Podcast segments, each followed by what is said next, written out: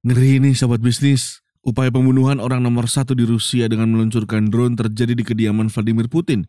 Untungnya saat peluncuran drone tersebut, Putin tidak berada di kediamannya.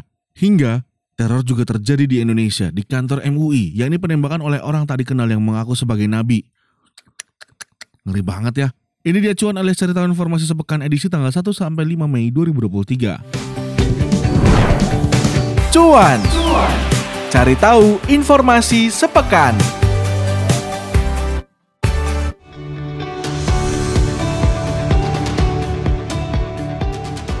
Berita pertama, kengerian terjadi di rumah Presiden Rusia Vladimir Putin yang dilaporkan telah diserang dua pesawat tanpa awak. Namun sayangnya serangan tersebut gagal membunuh orang nomor satu di Rusia lantaran Putin sedang tidak ada di kediaman. Selain itu juga drone telah dilumpuhkan sebelum sempat melakukan serangan di kompleks kediaman Putin. Atas serangan tersebut pihak Rusia menuduh Ukraina dalam usaha membunuh Presiden Putin. Atas alasan tersebut Rusia merasa berhak untuk melakukan tindakan pembalasan kepada Ukraina. Sayangnya pihak Ukraina sendiri menepis tuduhan drone milik negaranya yang melakukan penyerangan ke kediaman Vladimir Putin. Ukraina juga membantah tudingan Rusia sebagai pihak yang bertanggung jawab atas adanya serangan pesawat nirawak atau drone ke kediaman Vladimir Putin di Kremlin. Melansir Reuters, Presiden Ukraina Volodymyr Zelensky menegaskan bahwa pasukannya tidak menyerang kediaman Presiden Rusia Vladimir Putin maupun Moskow. Pihaknya mengaku berfokus untuk mempertahankan wilayahnya di Ukraina dari tangan Rusia. Zelensky juga merasa tidak mungkin pihaknya menyerang Rusia lantaran persenjataan mereka sendiri tak cukup untuk melakukan hal tersebut, serta lebih banyak digunakan untuk mempertahankan wilayah Ukraina. Ukraina justru menuduh klaim Kremlin soal penyerangan adalah upaya untuk meningkatkan ketegangan sebelum 9 Mei. 9 Mei sendiri ini adalah hari libur peringatan kemenangan Perang Dunia Kedua yang dirayakan Rusia dengan parade militer di lapangan merah. Adapun saat serangan tersebut terjadi, Zelensky sedang melakukan perjalanan ke Finlandia untuk menghadiri konferensi tingkat tinggi Ukraina Nordik yang digelar di Helsinki, Finlandia pada Rabu 3 Mei 2023. Serangan drone ini sendiri dinilai pihak Rusia sebagai tindakan teroris yang membahayakan keselamatan Rusia. Kita lanjut berita kedua yakni berita tentang seorang perempuan yang jatuh di lift bandara Kuala Namu.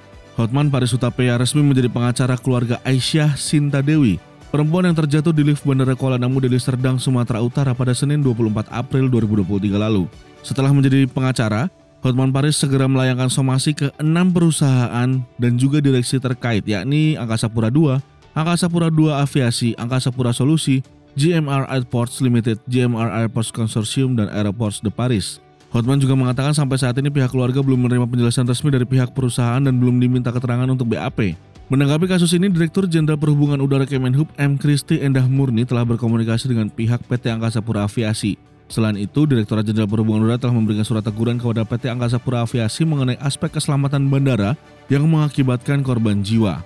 Nah, sebelum kasus ini dilaporkan, keluarga Aisyah menceritakan kronologinya nih. Saat Aisyah hilang kontak, keluarga langsung mengecek jejak terakhir Aisyah yang sempat menelpon keponakannya saat terjebak di lift. Namun petugas Bandara Kuala Namu hanya menunjukkan CCTV yang ada di luar lift dan tidak menunjukkan CCTV di bagian dalam lift sehingga korban baru ditemukan tiga hari kemudian, yakni pada Kamis 27 Mei 2023. Usai kejadian tersebut, PT Angkasa Pura Aviasi memenuhi aspek keselamatan, keamanan, dan pelayanan di Bandara Kuala Namu. Sejalan dengan surat dari Direktorat Bandar Udara Kementerian Perhubungan tertanggal 1 Mei 2023 yang ditujukan kepada seluruh kepala bandar udara selaku penanggung jawab tunggal atau single accountable operasional di bandar udara. Tentu semoga kejadian ini tidak terulang lagi dan semoga pihak Angkasa Pura semakin meningkatkan keamanan dan juga menjalankan SOP di bandara dengan sebaik-baiknya ya sobat bisnis. Berita ketiga atau berita terakhir, Polda Metro Jaya telah memeriksa belasan saksi terkait dengan kasus penembakan yang dilakukan oleh orang tak dikenal di kantor Majelis Ulama Indonesia pada hari Selasa 2 Mei 2023 lalu. Kabit Humas Polda Metro Jaya Kombes Polisi Truno Yudo Wisnu Andiko mengemukakan Total ada 19 saksi yang diperiksa untuk mengungkap motif pelaku penembakan yang bernama Mustafa tersebut. Turno Yudo sendiri merinci ada 8 orang saksi yang diperiksa penyidik dari kantor MUI, lalu 4 orang merupakan anggota keluarga Mustafa, lalu 7 orang lain adalah saksi yang berkaitan dengan kasus perusakan kantor DPR di Lampung yang pernah dilakukan Mustafa juga pada 2016 lalu. Penembakan dilakukan Mustafa di kantor MUI pada pukul 11.24 waktu Indonesia Barat Selasa 2 Mei 2023. Pelaku merupakan warga Lampung yang sempat mengirimkan dua kali surat kepada Ketua MUI. Surat pertama, Mustafa meminta untuk bertemu dengan pimpinan MUI, lalu pada surat kedua, di pertengahan 2022, Mustafa melakukan pengancaman. Kemudian Mustafa mendatangi langsung kantor MUI dan meninggal dunia di Puskesmas Menteng usai melakukan penembakan. Mustafa sendiri sengaja mendatangi kantor MUI untuk meminta pengakuan bahwa dirinya sebagai wakil Nabi. Kapolres Pasawaran AKBP Pratomo Widodo mengatakan hal itu berdasarkan keterangan dari istri pelaku yang dalam pemeriksaan sebagai saksi di Mapolsek Kedondong Pesawaran.